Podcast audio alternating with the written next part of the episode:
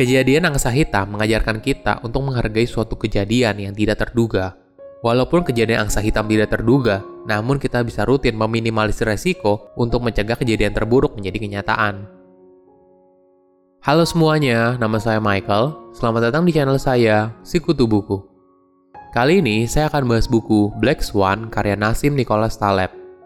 Sebelum kita mulai, buat kalian yang mau support channel ini agar terus berkarya, caranya gampang banget kalian cukup klik subscribe dan nyalakan loncengnya.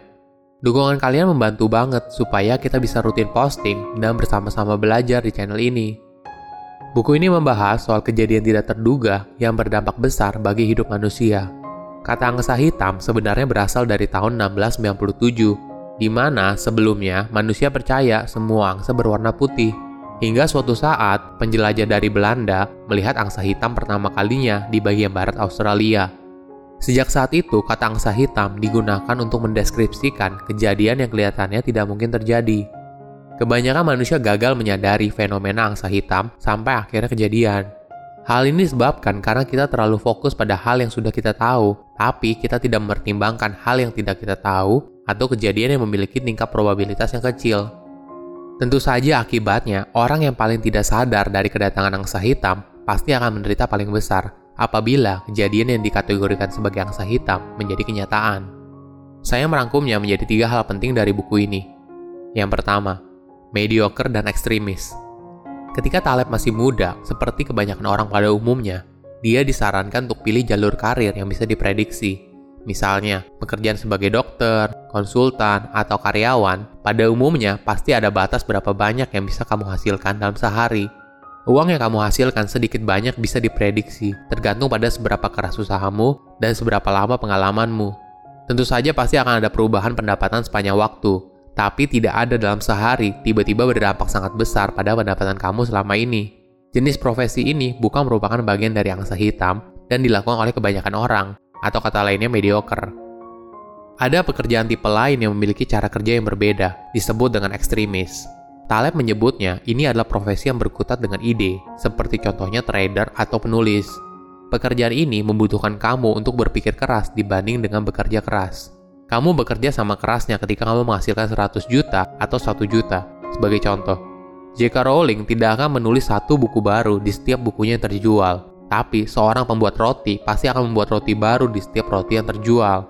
Indikator lain adalah hidup kamu ibaratnya bisa berubah dalam semalam dan perbedaan antara orang yang sukses dan tidak itu sangatlah besar. Kedua, masa lalu tidak bisa memprediksi masa depan. Di setiap informasi yang berkaitan dengan produk investasi, selalu ada disclaimer.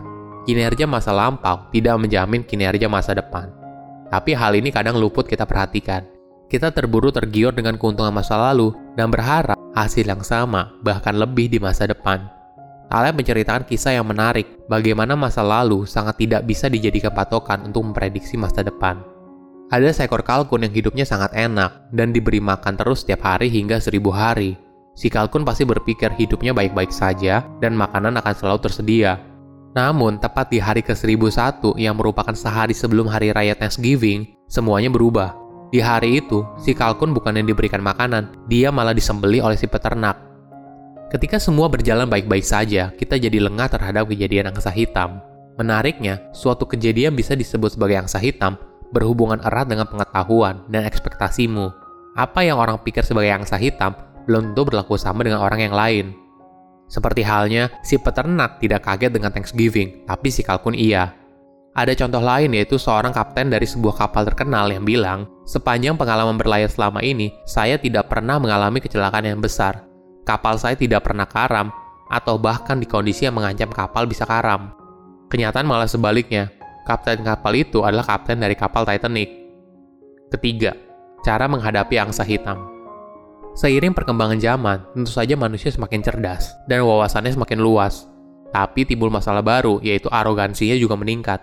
Taleb mengambil sebuah riset yang meminta para responden untuk memberikan estimasi di mana mereka yakin 98% benar atau 2% salah.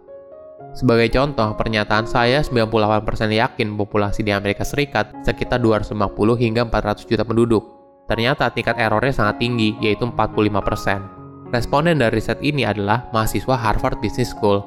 Hal ini berarti semakin tinggi tingkat intelijensi kita kita cenderung terlalu percaya diri atas wawasan yang kita miliki, dan berujung pada hasil prediksi yang salah apabila berhadapan dengan angsa hitam.